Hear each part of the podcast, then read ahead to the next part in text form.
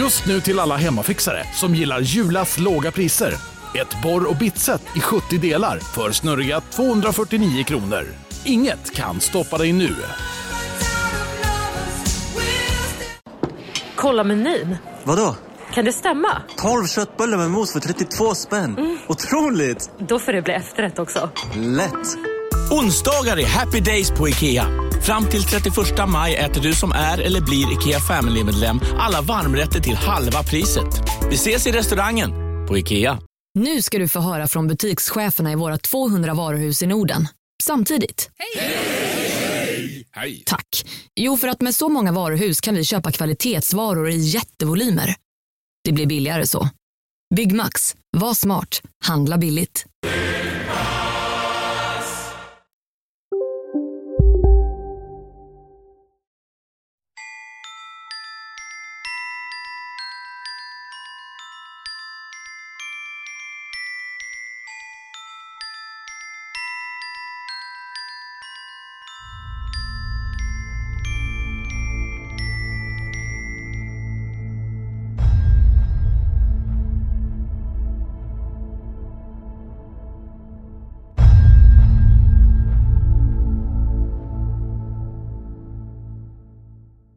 Martin, kan man säga att jag blir taggad och mer taggad varje gång vi gör ett nytt avsnitt så känner jag mig mer och mer taggad.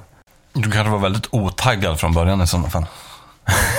Det, det, så kan vi se på saker. Men det känns som att längs vår resa så har man ju liksom eh, bara varit med fantastiska saker och nya saker händer hela tiden. Och nu är det ju så att vi korsar ju vägen med den här själen innan ens Spökpodden Fanns. ens fanns. Ja. Av ren slump och det kändes som att det var meant to be. Och vi satt i bilen och vi bara, herregud, är detta verkligen Jag kommer ihåg när du hade köpt eh, en bok då, som, som vi kommer att prata mycket om idag. Och Jag tyckte att det verkade bara, den där måste jag låna när du har läst klart den. Ja, Eh, och det är väl sex, sju månader sedan kanske? Ja det är nog, eh, det var i alla fall i var innan sommaren var det så vi i alla fall det i alla fall i fem, sex månader. Och, och det sjuka var att hela historien var att jag egentligen skulle parkera bilen för vi skulle spela in vårt andra, vår andra podd som vi hade då. Och jag visste inte vart vi var så gick jag in i en ateljé och där stod den fantastiska själen och eh, bara lös. Och, och sen skulle jag låna toaletten efter vi var klara. Och då fick jag reda på att de hade skrivit den här boken som fick mig bara att tänka, herregud, den måste jag läsa. Eh, och, eh, och idag har vi faktiskt eh, Birgitta Segerblom som har skrivit en bok om, om det andliga kan man säga. Eh, hund- Frågan är om, om vi har henne som gäst eller om hon kanske har oss som gäst. Eftersom Ja, vi sitter i hennes ja, kök. Ja, vi, vi är gäster hos Birgitta kan jag säga och vi har fått fantastiska kakor också. Som vi inte ens börjat tugga. Men, eh, men hon har skrivit en bok som heter 100 samtal med Klas och bara det fick mig att fundera, vad menar hon?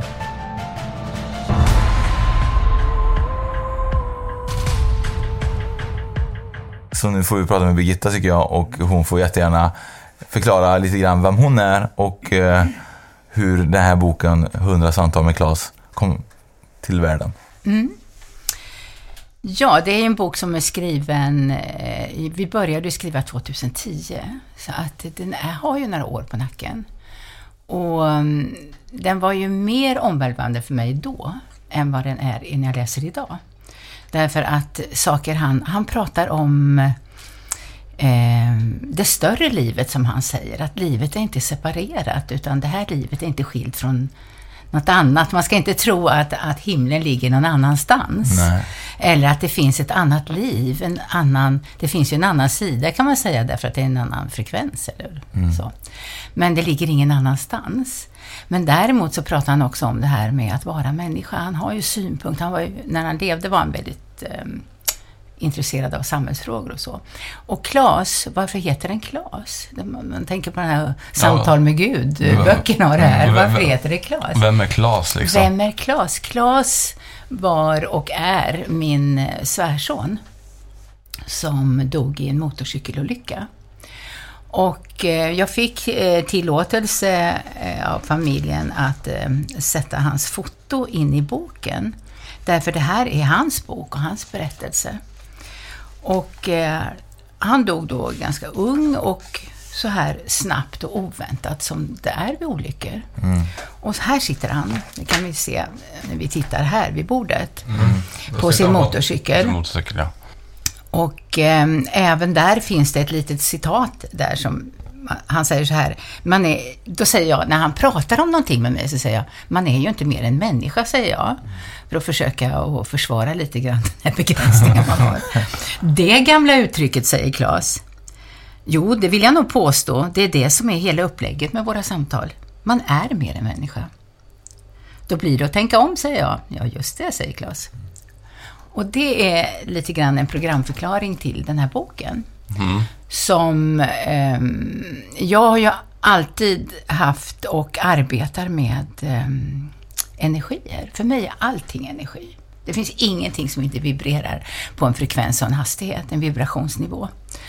Och det kan jag väl säga då att det är det känner jag mig väldigt bekväm med, därför att det förklarar livet för mig. Att det, det är ingenting som är solitt. Det är olika det, man kan vara olika trög. En sten har ju en energifrekvens, men man kan även koppla in till en sten och känna vilken frekvens den har. Och det här har jag då i mitt arbete. Alltså jag gör readings och jag tittar på människors känslomässiga mönster. Och när jag säger det så, så flyttar alla på sig en decimeter från mig. och, och säger så här, åh, läser du mig nu? Och, så här. och jag läser inte andra människor eh, annat än när jag får ett uppdrag. Om jag kan låta bli, kan jag säga. För att ibland går det inte att låta bli. För att då kan den personen man står och pratar, när man står och pratar i en grupp, så kan de personerna ha en väldigt stark känsla och tanke. Och då, kommer det, då blir det som en pratbubbla. Och då får man bara hålla sig för skratt. Liksom. Men om man tänker då samtal med, Mm. med Claes här. Boken handlar mer om livet efter döden. Ja, det gör den. Den handlar om livet efter... Han säger så här att eh, eftersom eh, han visste ju att... För man måste ju ha både en sändare och en mottagare när det gäller kanalisering. Det går ju inte bara att en sänder om, det inte, om ingen har slagit på apparaten. Då. Nej. Nej. Utan man måste också vara ganska tränad. Och jag har ju gjort det här i andra sammanhang eh, och jag gör det ju eh, och har blivit tillfrågad många gånger och jag har alltid sagt nej. Ja. Därför att dels att jag inte tyckt att jag haft tid eller gjort andra saker eller haft andra arbeten där det inte har passat in och så. Så att jag har hållit det väldigt lågt. Men när Klas kom och eh, han kontaktade mig då på tvåårsdagen efter eh, sin bortgång, eller hemgång som han kallar det. Men vad var din och Klas relation när han, Innan? Innan liksom? Hur Mm, var han den? var min svärson. Vi, han, ehm, Men var, vi ni, var ni tajta liksom? Och, Ja, det var vi, men vi, vi pratade väl lite grann om eh, livet sådär, men inte något eh, direkt. Han visste ju vad jag jobbade med och så, men det var ju ingenting som han grävde ner sig i och han tog något större intresse i. Däremot hade han ett eh, väldigt eh, vänligt förhållande till mig. Man var liksom inte intresserad av... Nej, alltså sådär lagom. Jag vet ju när, när mina två döttrar och jag brukade sätta igång och prata där, så eh, då gick han ut. Ja. Alltså, det var ju inte så att han hängde liksom längst fram och var mest intresserad. Det var Nej. han inte. Nej, det var han definitivt inte. Och jag har inte heller varit intresserad av någon sån här science fiction. Jag har aldrig sett någon sån här film, eh, vad det nu heter, Star Trek och de här Star Wars och de.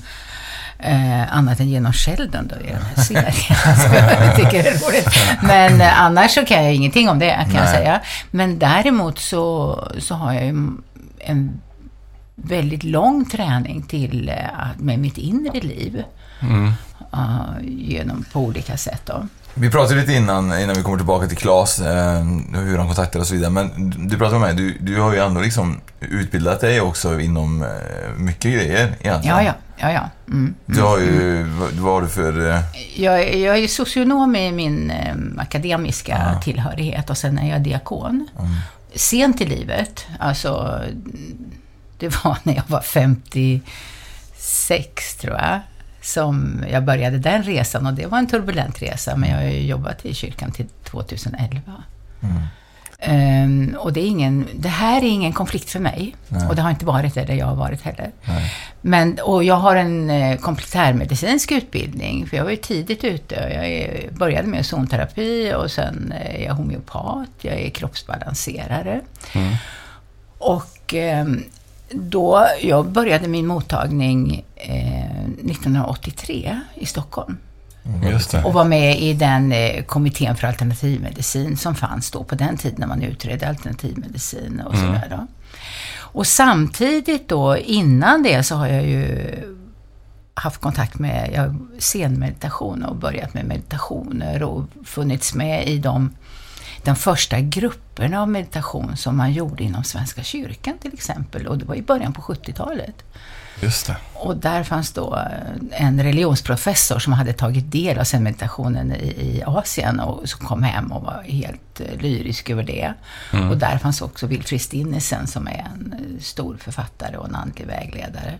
Så att eh, och, och där fick jag ju träna upp mig. Ehm, och jag tror att det var en stor hjälp för mig. ehm, att se energier. Jag ser ju energi. Och jag jobbar inte bara här liksom i direktmöte, jag jobbar mest på distans. Idag jobbar jag mest på distans. Jag har haft eh, mottagningar i många år. I hela tiden sedan 80-talet faktiskt har jag jobbat oavsett vad jag har gjort för någonting. Men ehm, nu så jobbar jag mest på distans och även utomlands. Det spelar inte mig någon roll vad en människa är. Det är ingen skillnad liksom nej, som de, nej, om, nej, om de nej. kommer Jag hit. hade, hade någon som hade en god vän i Indien någonstans och det är ganska många människor där kan man säga. Ett par stycken. Ja, men i och med att man har en eh, tid bokad, man säger då tisdag klockan 10, då ses vi. Då är det som en vanlig internetuppkoppling. Det är ju inget konstigt, man har ju sin kod. Alltså min, sin energikod och, och ehm, connectar med den. Det är galet ju. Eh, så att, ehm, och sen kan man, eh, förr fick man ju eh, skicka på fax. Jag vet när jag hade eh, klienter i USA till exempel. Då fick man skicka faxmeddelanden till USA. Och sen fick man eh, pratas vid när de hade, för jag skickar alltid, jag gör alltid en reading och skriver ett A4-ark på den personen. och jag vill inte, jag behöver ett förnamn och att jag kan nå dem om det tjorvar till sig, så det är radioskugga. Och det har skett väldigt mycket på den här kanten också under de här åren, tycker jag. Så att eh, tidigare var det väldigt mycket enklare att ta sig fram i luften än vad det är idag. Men eh, eh, så att eh, distans är inget problem, det är inga svårigheter. Det är nästan bra att slippa eh, slippa se det här uttrycket. Alltså, ni vet, en person väljer ju hur man, vad man kommunicerar och då slipper jag hålla bort det. När jag inte vet vem det här är så, så behöver jag inte sysselsätta mig med det, utan jag kan titta direkt på det jag ska göra. Det vill säga livsmönster och känslomässiga mönster och, och det här Det blir inga störningsobjekt. Nej, det nej mer- precis. Så, så är det ju. Men man märker ju de senaste, i alla fall fem åren kanske, så har det ju blivit, eh, det är mer saker som stör. Som man måste hålla ordning på, liksom, i, i luften. Det är andra energin kanske. ja, andra energier. Om vi ja. går tillbaka till Claes. Mm. Eh, kände du någonstans eh, dagarna innan Claes kom att någonting var på gång eller? Nej. Eh, ja, jag har, berättat i... Jag har valt, jag kan säga så här, upplägget, det är att låta läsaren följa hela historien. Så jag berättar om vad som hände innan. Just det. För då bor jag nämligen i Helsingborg. Och pendlar till, för då har Claes dött och jag har flyttat dit. Eller jag flyttade dit precis några månader innan faktiskt. Jag kände att jag skulle flytta dit. Så jag flyttar dit och sen pendlar jag och arbetar nere i Simrishamn. Så jag åker där liksom fyra, fem timmar om dagen, tåg och buss och gud vet allt. Eh, och, eh, så jag har rätt tajt med tiden, jag, så här. Och då, när det här började då, då, då var det så här att jag kunde ligga och sova i sovrummet och så på natten så plong så tänds lampan. Ja. Jaha, upp och släcker och så går man och lägger sig igen. Plong så tänds lampan, så håller man på så. Och så Eh, och då tror man ju att det är glapp i kontakten. Det är ju första en rationell människa tänker att nu är det glapp i kontakten. Men det var ju inga glapp i kontakten. Och det här var bara av och till, liksom, inte varje natt, det var då och då och så här. Då. Och det kan man ju tänka, ja men den kanske hänger sig någonting och det blir något.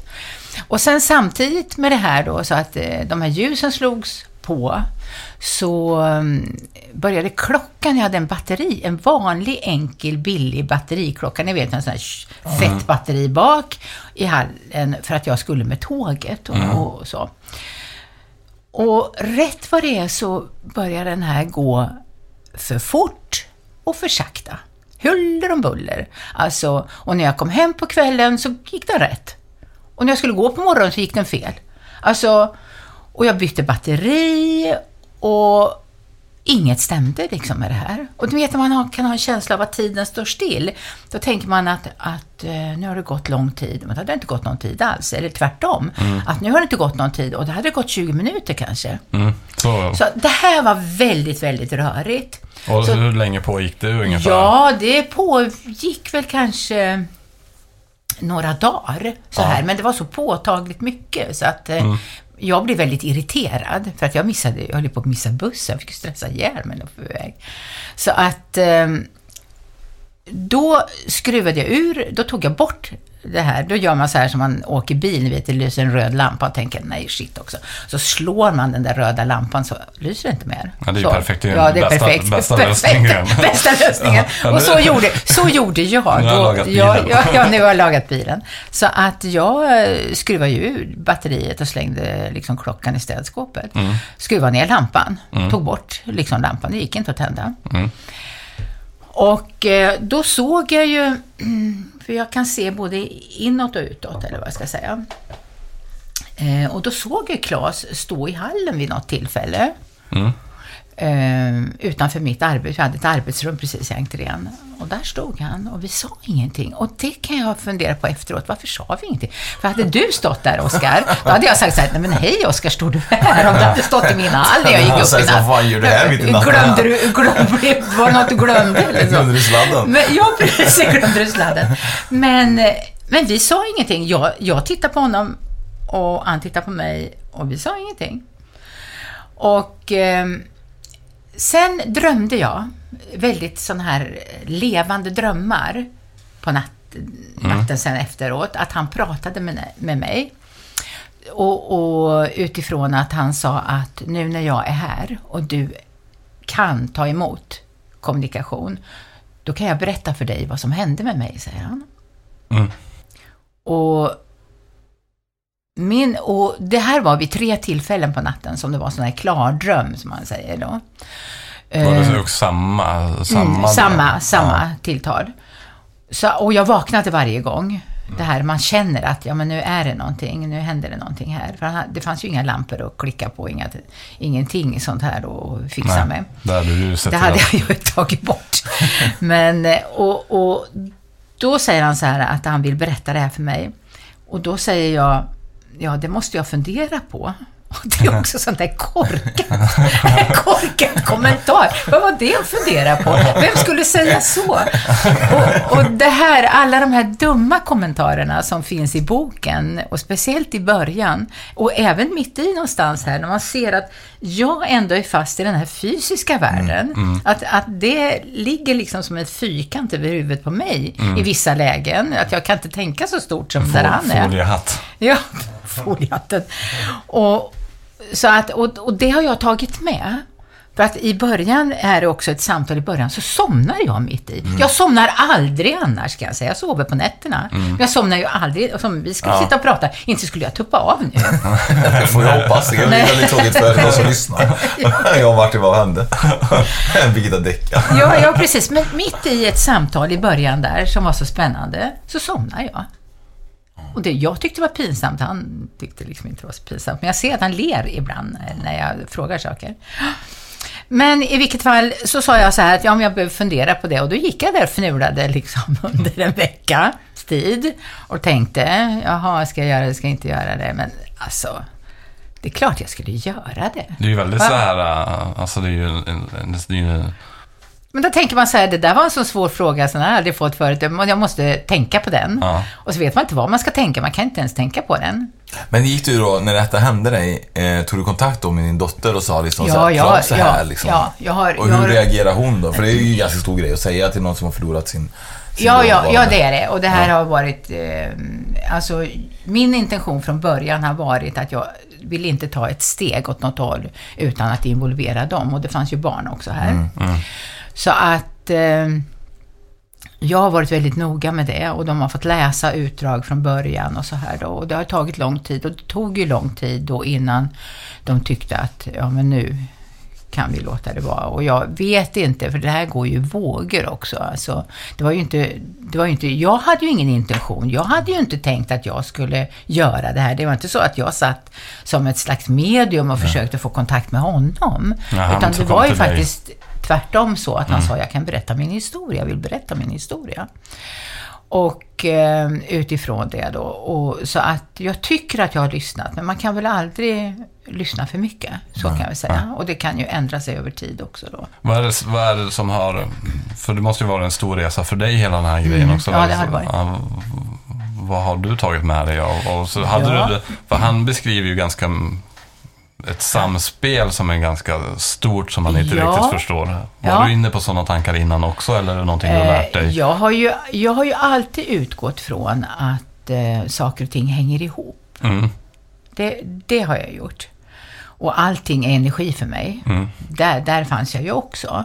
Eller som jag, jag har sagt i, i, i en bok här, att, att allt är olika frekvenser vibrationsnivåer. Mm. Och att man är en själ med en fysisk erfarenhet. Så de grundsatserna hade jag ju innan, för jag har ju Ja, just det. arbetar ju med det. Liksom. Och även eh, och att allting att, hänger ihop och att det finns en inre värld och en yttre värld. Men sen måste jag säga att han förde ju till så mycket mer saker som jag inte ens ah, ah, inte kunnat tänka mig. Nej. Om vad han gör, vad, vad han ingår i och Mm. vad, vad det är för konstellationer. För han gör på sin tur också en resa eh, på sin frekvens kan man ju säga. Och, ja, det gör han ju. Ja. Det, det, det tar ju inte slut. Nej, och han, eh, för det kan vi väl också nämna, han ingår liksom i ett andligt team kan man väl säga. Ja, just det. Han ingår i ett kluster som man kallar det Ja, för, precis. av, av flera personer. Och de gör olika uppdrag. Ja, och han har ett särskilt uppdrag. Ja. Så att jag har ju då valt att eh, när vi, när vi först bestämde formen, och min nästa väldigt korkade fråga var till honom då, var ska vi träffas? och då det kan man ju skratta så man, åt. Och, och då ser jag att han ler och då säger han så här, ja, mm, vi kan ju träffas där du är. Och jag, och det, efteråt kände jag så här, det var ju skönt. ja, men det är trevligt annars alltså. Så? Nej. Men alla de här sakerna, det finns ju saker som, som då kommer från mig som är lite mer, lite mer korkade, eller vad jag ska säga.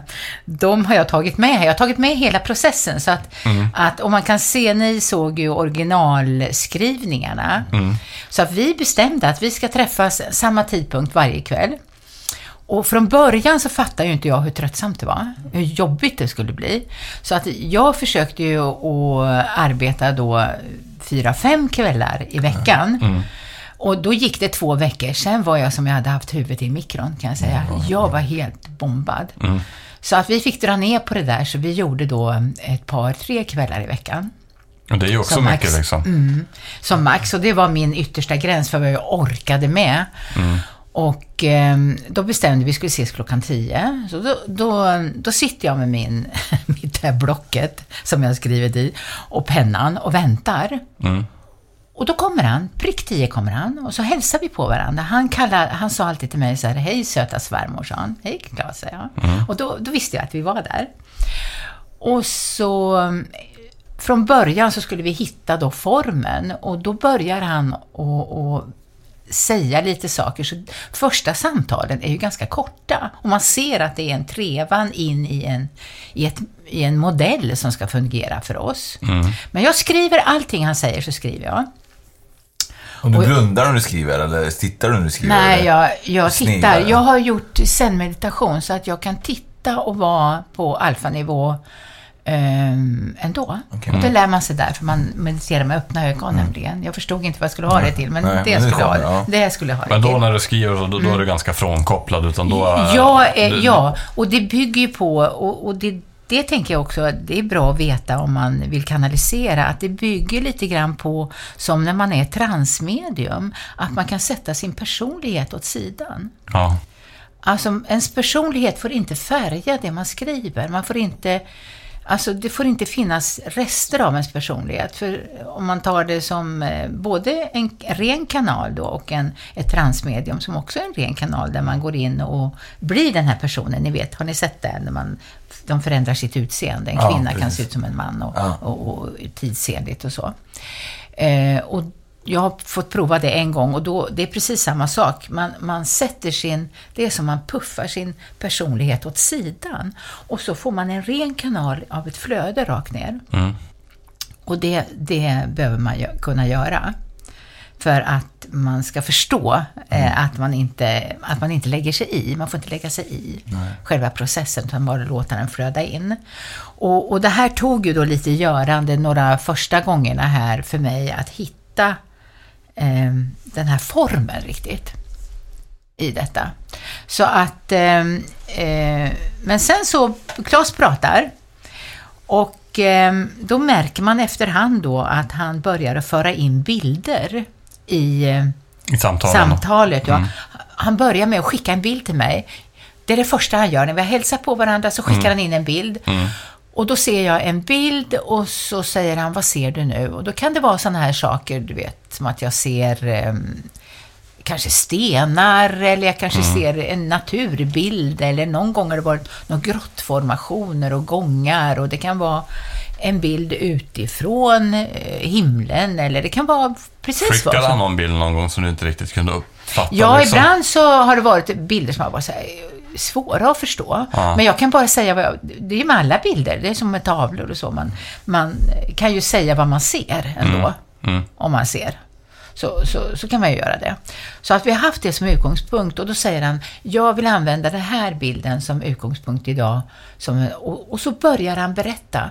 Och jag skriver och skriver och skriver och skriver. Och när, klock, när det har gått en halvtimme, när klockan är 22.30, då är det slut. Och då är det ungefär som man har haft kranen på, så här, och så bara skruvar åt den.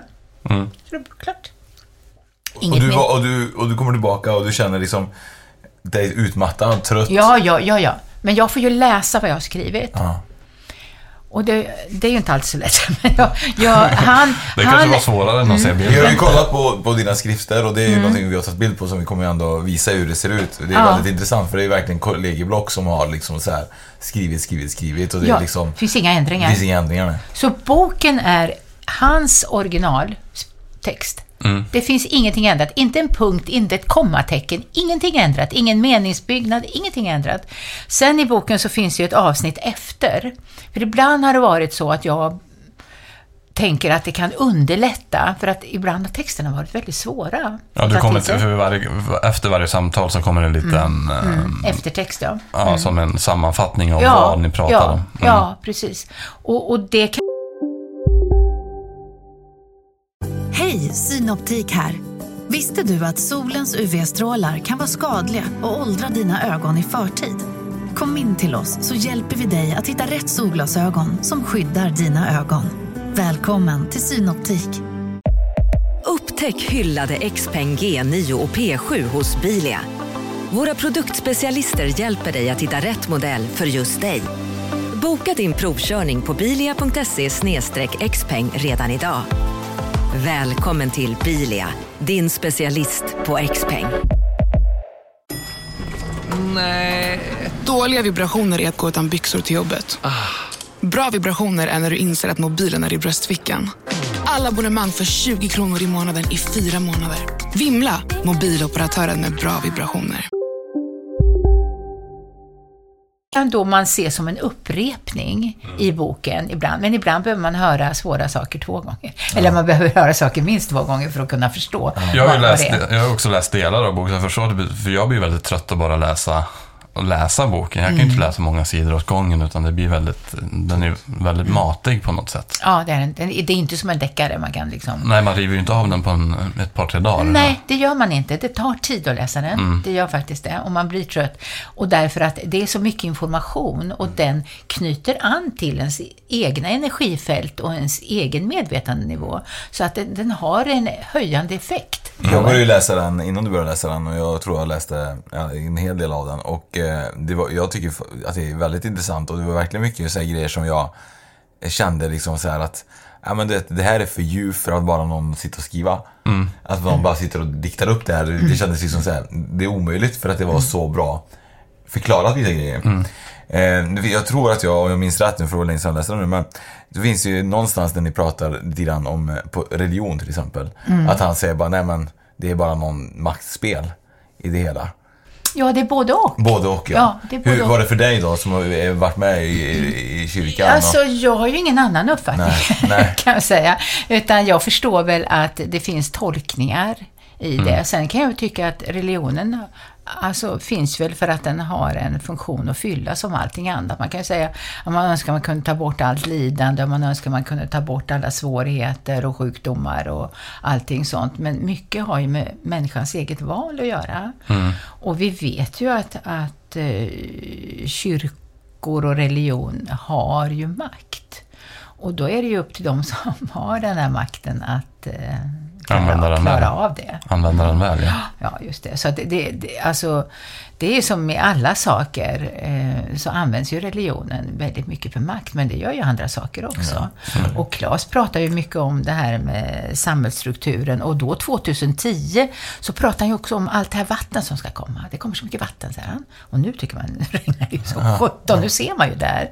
Eller han pratar om eh, de här eh, som inte var tydligt då, i alla fall inte för mig, att, att det fanns en sån centrering kring matfrågor och att han säger att det kommer vattenfrågor också.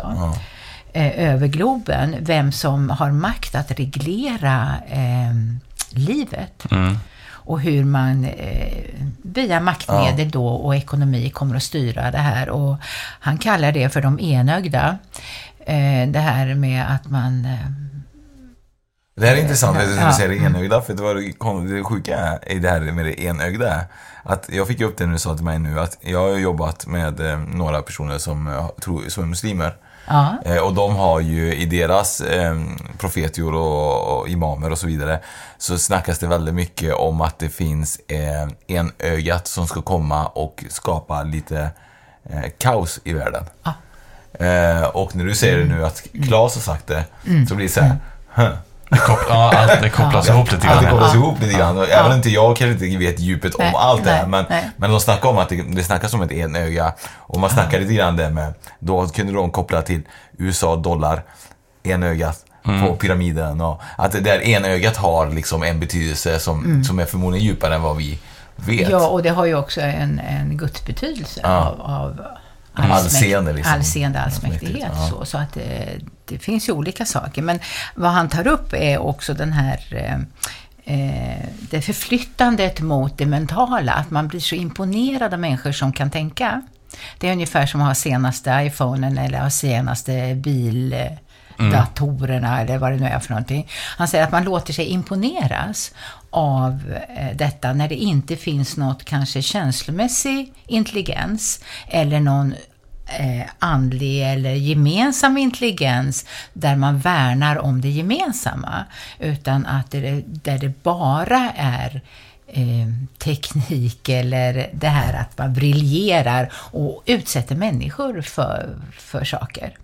Så att det tar han också upp. Han tar upp många och det ligger saker. ju grejer liksom före i tiden än vad det var då. 2010, Ja, ja, det ligger ju liksom. nu. Ja, det, ligger ju nu. Mm. Det fanns ju en, alltså det var ju inte lika synligt tycker jag i alla Nej, fall. det var det inte. Det var ju typ För- bara två år efter iPhone Ja, släpptes. Så det var ja, ja. För det här är ju då, jag menar, det är ju nio år sedan Ja. vi pratade med varandra.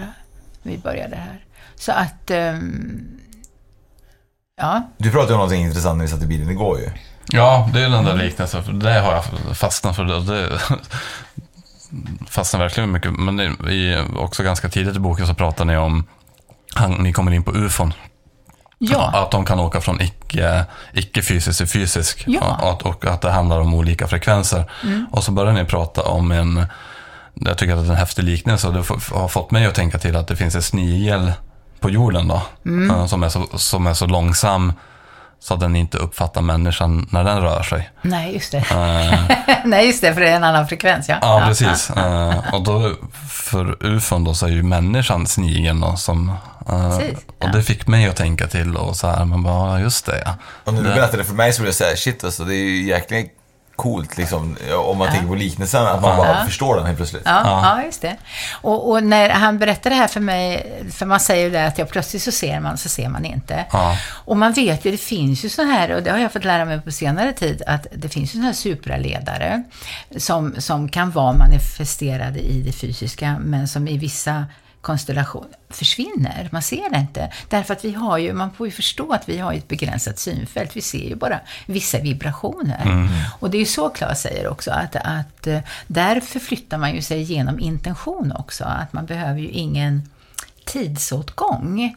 Alltså det räcker att man, man förflyttar sina energier bara Mm. till en annan frekvens så har man vänt blad liksom bara, Mm, mm. på ingen tid alls. Och, och det här med att, att eh, man säger ja, finns det eller finns det inte? Ja, men såklart att det finns. Alltså det handlar ju bara om att vi, när vi står, ha, det jag tycker, det första jag lärde mig genom Claes var att om man står i den fysiska tillvaron på jorden och tittar upp, då ser det ut som allting är tomt. Mm. Det mesta i alla fall. Men det Mm. har vi fått lära oss, det finns ju inget tomrum. Så att han säger så här att men man kan inte stå där nere och förstå vad som finns. Man måste förflytta sig ifrån det fysiska upp långt ut i universum och titta ner åt andra hållet istället. Då ser man. Då ser man. Då förstår man. Det här är kanske är en dum fråga. Jag tänker lite grann så här, om man tänker på hela universum då. Eh, för universum är så stort. eh, Men, men om man tänker liksom det som lever och finns i, då, i så kallade andra planeter och så vidare. Mm. Har vi alla en sammankoppling sen när vi går bort? Att vi alla samlas på en och samma plats? Eller eh, det är, det är olika för... Ja, alltså det finns ju ingen särskild uppsamlingsplats. Det Nej. är inte som en miljöstation. Nej, det är inte så. Vill jag säga. Nej, det är inte typ såhär, när det brinner så bara möts vi på Nej, där nej. ute. Sen är det ju så att mä- människorna har ju egna idéer och egna upplevelser och sånt. Och då har man ju en... Man är som, jag brukar säga, man är som en buljongtärning med alla sina smaker. Man kanske har gått förbi med en oreganokvist eller Mm. sånt där. Alltså, kom det in en liten smak där Ja. och så. Men man är ju sitt eget upplägg. Man är ju sin egen vibration. Väldigt mycket. Och, och då om man tänker sig att allting är frekvenser så går det ju i varandra. Det behövs ju inget utrymme för att frekvenser ska finnas på samma yta. Olika frekvenser, de kan ju ligga liksom Ja, huller i och på varandra. Ja. Så.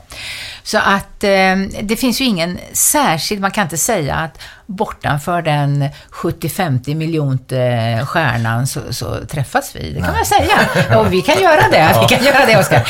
Men, men det finns ingen sån uppsamlingsplats Nej. kan jag säga, utan allting är ju beroende. Man är ju bara där man är. Och så är det både här och någon annanstans. Men är det, det jag försöker eh, få fram är det liksom så här att vi alla, oavsett planet och så vidare, så har vi samma liksom eh, andliga efteråt. Typ att eh, vi har en uppgift liksom att, för universum. Eller, det, Ja, vi, vi har ju, en, i och med att vi finns, vi Ja. finns ju, så har vi någonting. Men sen är det inte alltid man är medveten om det eller ens vill det. Och eh, alla är ju inte intresserade av, av att utvecklas och så, men, men livet självt skulle jag vilja säga är intresserade av att vi ska vara med på tåget. Mm. Så alla ingår ju, men man ingår ju på sin egen nivå. Alltså man kan inte hoppa över någonting. Man kan inte eh, strunta i, det är som att bygga ett hus. Om man nu bor på första våningen så, så kan man inte säga så här, nej nu ska jag bygga ett nytt hus och jag ska bara bygga sjunde våningen med altan för där vill jag bo. Jag vill vara. Jäkligt bra liknelse. Eh, eh, Och det funkar ju liksom, vi vet ju det, att man måste ju liksom ha en platta på backen först och sen Mm. så bygger man sig uppåt. Och det är likadant med livet, att, att sen kan man inte säga att det ena är finare och bättre kanske, men det finns ju mer utvecklat och mer kärleksfullt. Jag skulle bara säga att är man mer kärleksfull på, på ett bra sätt, Mm. då, då är man mer utvecklad, det skulle jag vilja påstå. För han beskriver ju också sin, när han- för han dog i en olycka ganska abrupt, Mm, liksom, mm, det tog mm, slut fort. mm. Och direkt efter så var det väl inte super, alltså, superhärligt för honom heller, utan han fick ju... Ja, ja och det var ju lite, det var lite annorlunda. Annars Ja. har man ju alltid sett att det, det står en massa folk där och säger välkommen hit. Ja, men det har varit så himla varmt och sånt där, men han Ja. kände sig som han, han hamnade Nej. lite som Mm. ett tomrum. Och, Ja, och han var ju inte medveten. Alltså den här, han tar ju upp det i början här att då, att då säger han så här, då blev jag medveten om att jag fortfarande fanns. Ja. Och det tycker jag är en sån här nyckelmening. Att innan det, då, om, om det är någonting som händer hastigt och våldsamt, Mm. eh, då säger han att, att det var som att jag behövde helas och lagas först i energistrukturerna. Och sen kommer han till en nivå där han säger att då blev jag medveten om att jag fortfarande fanns. Mm. Och efter det sen så får han ju ingå, så transporteras han ju vid. När han blir medveten om det, Mm. så transporteras han vidare. ja, precis. Ja, in i där han känner sig hemma. Då har han ju det här mötet. Mm. Men det är ju inte det första som möter honom. Nej, så det är ju en tid däremellan Men- som nog ja, inte var Ja, och den kan, man, den kan han inte säga hur hur långt den tiden var. Eller Nej. han, kan inte, han har inga begrepp om det. Men, men jag, tycker, jag tyckte det var väldigt, eh, det tog mig väldigt mycket när han säger just det här att då blev jag medveten om att jag fortfarande fanns. Mm. Och för det leder tankarna så, så stort Mm. på något sätt än, än bara om det var välkommen hit, vi har väntat på dig. Och så sker ju när man dör av ålderdom eller andra saker, där tiden är ute, när man har, eh, har en annan slags död. Så det beror lite, han säger det beror lite grann på hur man dör. Mm. Och det var väl också lite att vissa kämpar sig, de, i ålderdom då, eh, då släpper man taget om Ja. det fysiska snabbare. Ja. Men i andra fall så försöker man kämpa sig kvar i det fysiska, för man fattar väl inte riktigt att man ska kliva över då, eller man ska Nej. säga. Nej, och ibland i mellanåren så här, då tänker jag, har ingen tanke på att dö. Nej. Som jag menar, ni är unga. Och, och, men jag kommer ju ihåg den dag som förändrade mitt liv. Och det var en dag när jag, vanlig dag kan jag säga, jag var ute och gick. Och går, och det var ungefär som man hade ritat ett streck över ett fält. Så att på den här sidan kommer det gå allting som vanligt, så går jag över det här strecket. Och då börjar jag tänka på min dödlighet. Och jag var inte sjuk, det var ingenting liksom. Det var ingenting som var annorlunda, jag bara fortsatte att gå. och från den dagen, då förstod jag att då kom jag in, för jag har skrivit om det i min nästa bok, det här om hur, vilka livet självt har en, en speciell energiordning, så Mm. att det är uppbyggt på ett speciellt sätt över livet. Mm. Ens livsflöde så här då. Någonstans i den åldern, och jag var väl någonstans då, vad kunde jag varit, i 60-årsåldern kanske, och går över den här linjen och känner att nu hamnar jag där. Liksom. Och jag förstod inte först vad det var, utan då kommer de här tankarna om att man förstår att livet är ändligt. Och det kommer in alltså vid en viss, och, och det ser jag på andra som jag har kontakt med nu, att de kommer också dit. Att det händer en, att plötsligt blir man medveten om det, men man är inte medveten om det i den första delen. Nej. Men ehm, det är ju galet. Jag, vill inte, jag tänker oftast på, på det, men jag försöker inte tänka på det. Jag försöker ändå tänka på att det är långt kvar, men man är alltid orolig. Jag har typ en siffra i mitt huvud som jag alltid tänker typ så här, det är max dit jag kommer komma. Och det har fan varit nära nu alltså. Så det vill jag inte prata om. Men, men jag, tänkte, jag tänkte så här, eh, 100 samtal eh, med Claes, det är ju boken heter. Var det exakt 100 samtal och eh, hade ni planerat eh, och hur lång tid tog det från första mötet till, till att det Jag liksom var 100 samtal? Ja, jag tror det tog ett, det vet väl inte jag, höll jag på att säga. Jag- Var jag med då? Här är hundrade samtalet. Här, eh, 31 i 12 har jag skrivit här på den boken. Och det borde ju första samtalen, jag har ju ett datum på det, jag kan bara titta. 6 i sjunde 2010. Så ett halvår ungefär tog det ungefär. Det stämma då? Ett halvår. Ett halvår. Ja, men då, då jobbade vi ju varje dag för att jag, jag var ju tvungen att dra ner på takten så att jag orkade med. Ja. Eh, Och det blev ju mer och mer komplicerat, eh, de här formerna som han visar, det här han berättar om och det här klustret han är med i och hur man gör saker tillsammans och hur man... Alltså det, fanns, det finns ju så många saker som jag tycker, han vill ju förmedla eh, tröst och hopp, säger han. Mm. Att man... Och som, det finns ett, det flera sådana här uttryck i boken, att han säger att man kan inte vara ensam ens om man försöker, för det är inte gjort så. Nej, det är inte uppbyggt så, nej. Nej, nej. Utan det är en illusion att man är ensam. Man är inte ensam, man är aldrig ensam. Och det kan ju vara störande också. På sin kant. Men det finns sådana här uttryck eh, som han säger. Och han säger man behöver inte vara rädd.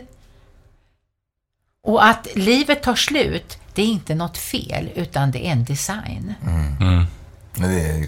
Ja, det så ska man verkligen tänka. Att det är en och, design och, och också. tänker man på det, då kan man ha en, en större tillit och tillförsikt Ja. i att vara i själva livet medan det pågår. Därför att, alltså, det är inget farligt. Nej. Det är inget farligt. Men känns det som att när Claes var klar med de här hundra samtalet, att han fick ut det han ville få ut? Eller känner du någonstans att han kanske skulle vilja ha hundra nya samtal? Liksom? Ja, efteråt sen så säger han säger ju själv någonstans på vägen att, att vi ska skriva tre böcker. Tre böcker? Mm. Och jag har påbörjat en andra bok, men jag har väntat lite med den för det har kommit andra böcker emellan, eller vad jag ska säga. Ja.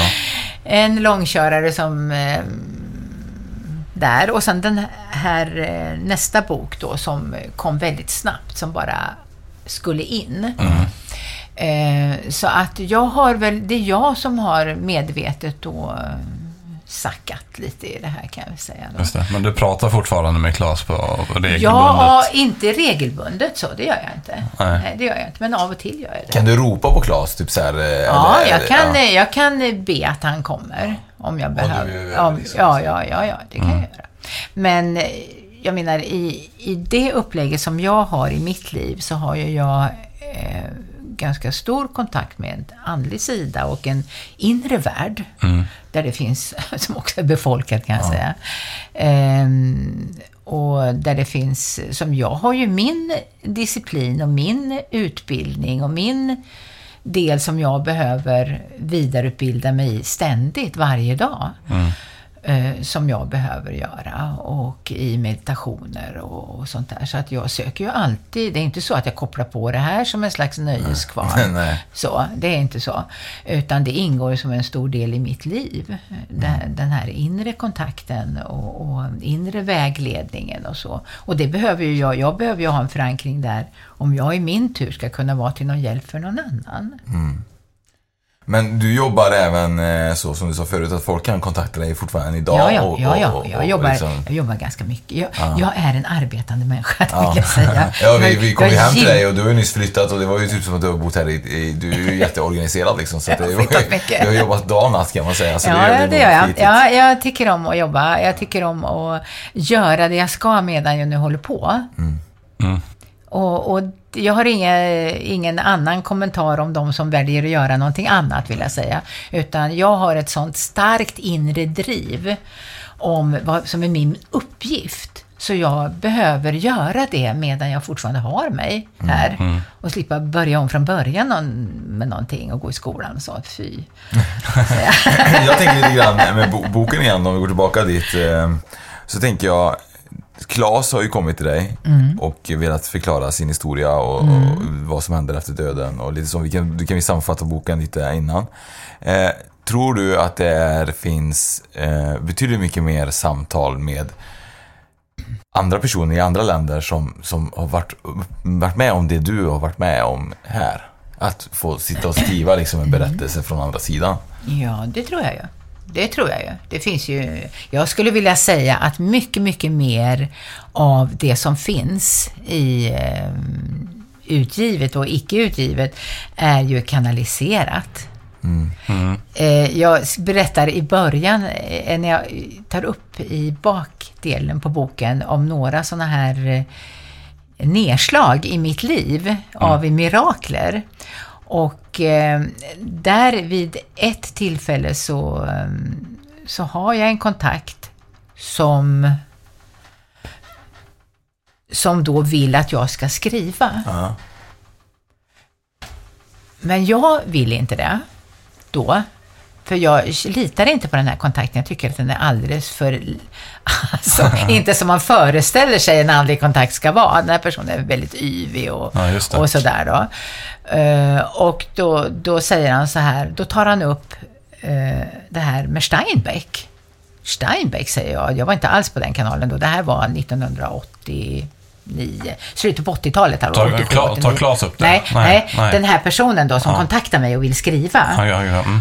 Och eh, då tar han upp det här med Steinbeck och säger att ja men den här boken den har jag skrivit. Och så säger han vad den heter Ja. och jag har inte läst den, jag vet inte att den finns och sen ett, några månader senare så är jag utomlands och den här boken ramlar ner från en bokhylla på mig i en bokhandel. Mm. Och det är den här boken. Så att, och vad jag vill komma till är att jag tror att eh, väldigt, väldigt många som jobbar konstnärligt, både med måleri till exempel, Mm. med texter eller musik, är kanaliserat. Just det. Det, det är mycket, mycket mer än man kan tro. Det, man säger att man är i flödet kan man ju säga. Man kanske inte använder ordet kanalisera. Nej. Utan, eh, eller som jag då använder den källan, utan, utan alternativet för mig, som jag inte kom på då, för jag var så jag var så fast i att det skulle vara som det var. Mm. Förstår du? Så att jag kunde inte göra någon fiction av det, annars hade jag kunnat göra det. Som Beatles säger ju att när, när de slog, Ja. att de skulle bli större, vi kommer bli större än Gud. Det kanske också är... Ja, ja precis. Jag menar den här, En den här själskanalen som fyller en eh, på något sätt. Mm. Med inspiration och så. Det är ju en gudomlig energi, det kan man ju säga. Men har du fått mer sådana, för vi pratade Mm. också lite grann om innan att du litar liksom 100% på din introduktion Mm. och sånt där. Mm. Har, när var, började du göra det tidigt eller har du också lärt dig det? Ja, ja, ja, och då kommer jag tillbaka till det jag berättade. Första gången jag verkligen fick, fick eh, en bekräftelse på att, eh, att mirakler händer. Mm. Det, var, det var jag liten, det var jag, ja, liten och liten, men jag var väl sju, sju år kanske. Mm. Och hittade en fyrklöver. Och då hade jag hört så här att fyrklöver, det skulle man gå upp eh, och, och så skulle man vara för sig själv, man skulle inte säga vad man önskar sig. Mm. Och så skulle man slänga ut den och inte se var den hamnade någonstans. Så att eh, då gjorde jag det och så önskade jag mig en docka som kunde gå. Och det här var då eh, på slutet på 40, början på 50-talet. Ni vet, Just det fanns ja. inga dockor som kunde gå då, det kan jag säga. Så på julen så får jag en docka som kunde gå. Och då var det min pappa som hade träffat en sjöman från Amerika. Mm. Som hade en mekanisk konstruktion, så när man höll den i handen så kunde hon gå bredvid. Häftigt. Och det tror jag var sån här defining moment som man säger, det som, som är vägdelaren, att man tror på mirakler. Ja.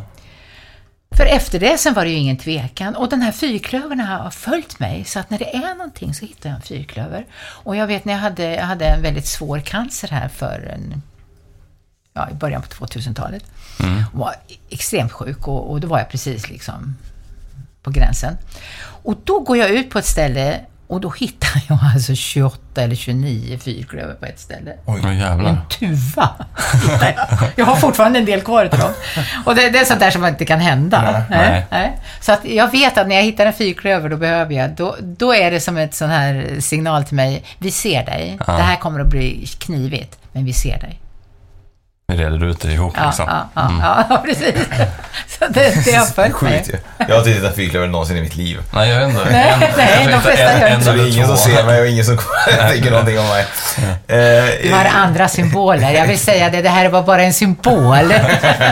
Och den här blir min symbol. Ja. Ehm, innan vi avslutar då så, Mm. så kan du ju egentligen göra, om vi gör bara en liten recap, alltså en liten sammanfattning vad den som väljer att läsa din bok, vad den egentligen kommer göra för eh, upptäck med, eh, med, med den.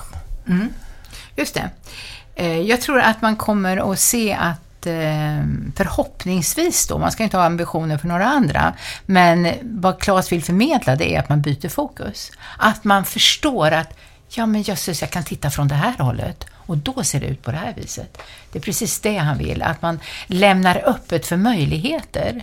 Och jag tycker att jag i inledningen här har ju en, det är en bra skrivning, det är ett eh, utdrag ur andra kapitlet där han säger att tro inte att jag vet allting. Jag kan förklara från min nivå där jag är. Men det finns mycket, mycket mer än så. Så att jag gör inga anspråk på att ha den enda sanningen. Utan det här är en del av min sanning som jag vill berätta. Och också om det här att vara människa. Vad är det som är viktigt med att vara människa? Vad är det vi behöver tänka på? Hur, hur hittar vi den balansen? Och hans små historier där. Så att jag tycker att man kan ta tid och läsa i lugn och ro, för det ska smälta det här. Det är mycket information. Det är fantastiskt. Och det man kommer kunna göra nu då eh, är ju att man kommer, när detta avsnittet släpps då, så kommer man kunna ha möjlighet att vinna eh, boken som Birgitta har skrivit, 100 samtal med Klas. Eh, genom att vi kommer kunna låta ut den på vår Instagram som är spökpodden.se. Ja, precis. Spokpodden. Spokpodden. Eh, och, eh, och där kommer man eh, ha möjlighet att vinna eh, den, här, den här fantastiska boken. Kan jag vinna den? Eh, helst så vill jag ju att du ska läsa klart den du har fått låna av. Så jag kan få tillbaka den. Eh, och självklart ska vi hoppas att, det- att Birgitta vill signera den också. Ja, såklart jag gör. Ja. Såklart jag gör. Så in på Instagram och vinn en signerad bok. Eh, vill du läsa en, eh, liten, en liten del av, eh, Ja. av den innan vi avslutar? Ja. Ehm, på, I slut, slutverserna här då, så säger han att vi är alla i detta tillsammans. Ingen behöver vara rädd, ingen blir lämnad. Det går inte att vara ensam ens om man försöker. Livet är inte gjort så, utan vi följs åt, alla på resan framåt. Fantastiskt. Jag ryser nu. Vi får avsluta det här. Och få äta bullar. Tack Birgitta.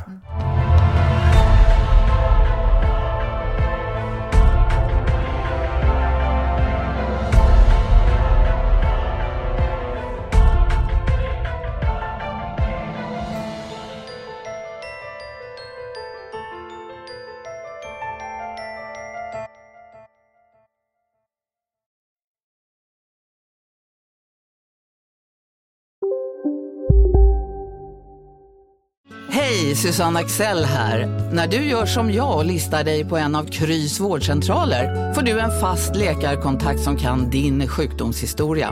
Du får träffa erfarna specialister, tillgång till lättakuten och så kan du chatta med vårdpersonalen. Så gör ditt viktigaste val idag, lista dig hos Kry.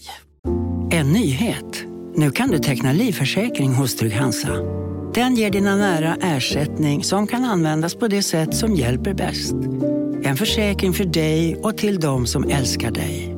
Läs mer och teckna på trygghansa.se. Trygg Hansa. Trygghet för livet. Finns det något bättre än riktigt gott färskmalet kaffe på morgonen? Det skulle väl vara en McToast med rökt skinka och smältost. Och nu får du båda för bara 30 kronor. Välkommen till McDonalds.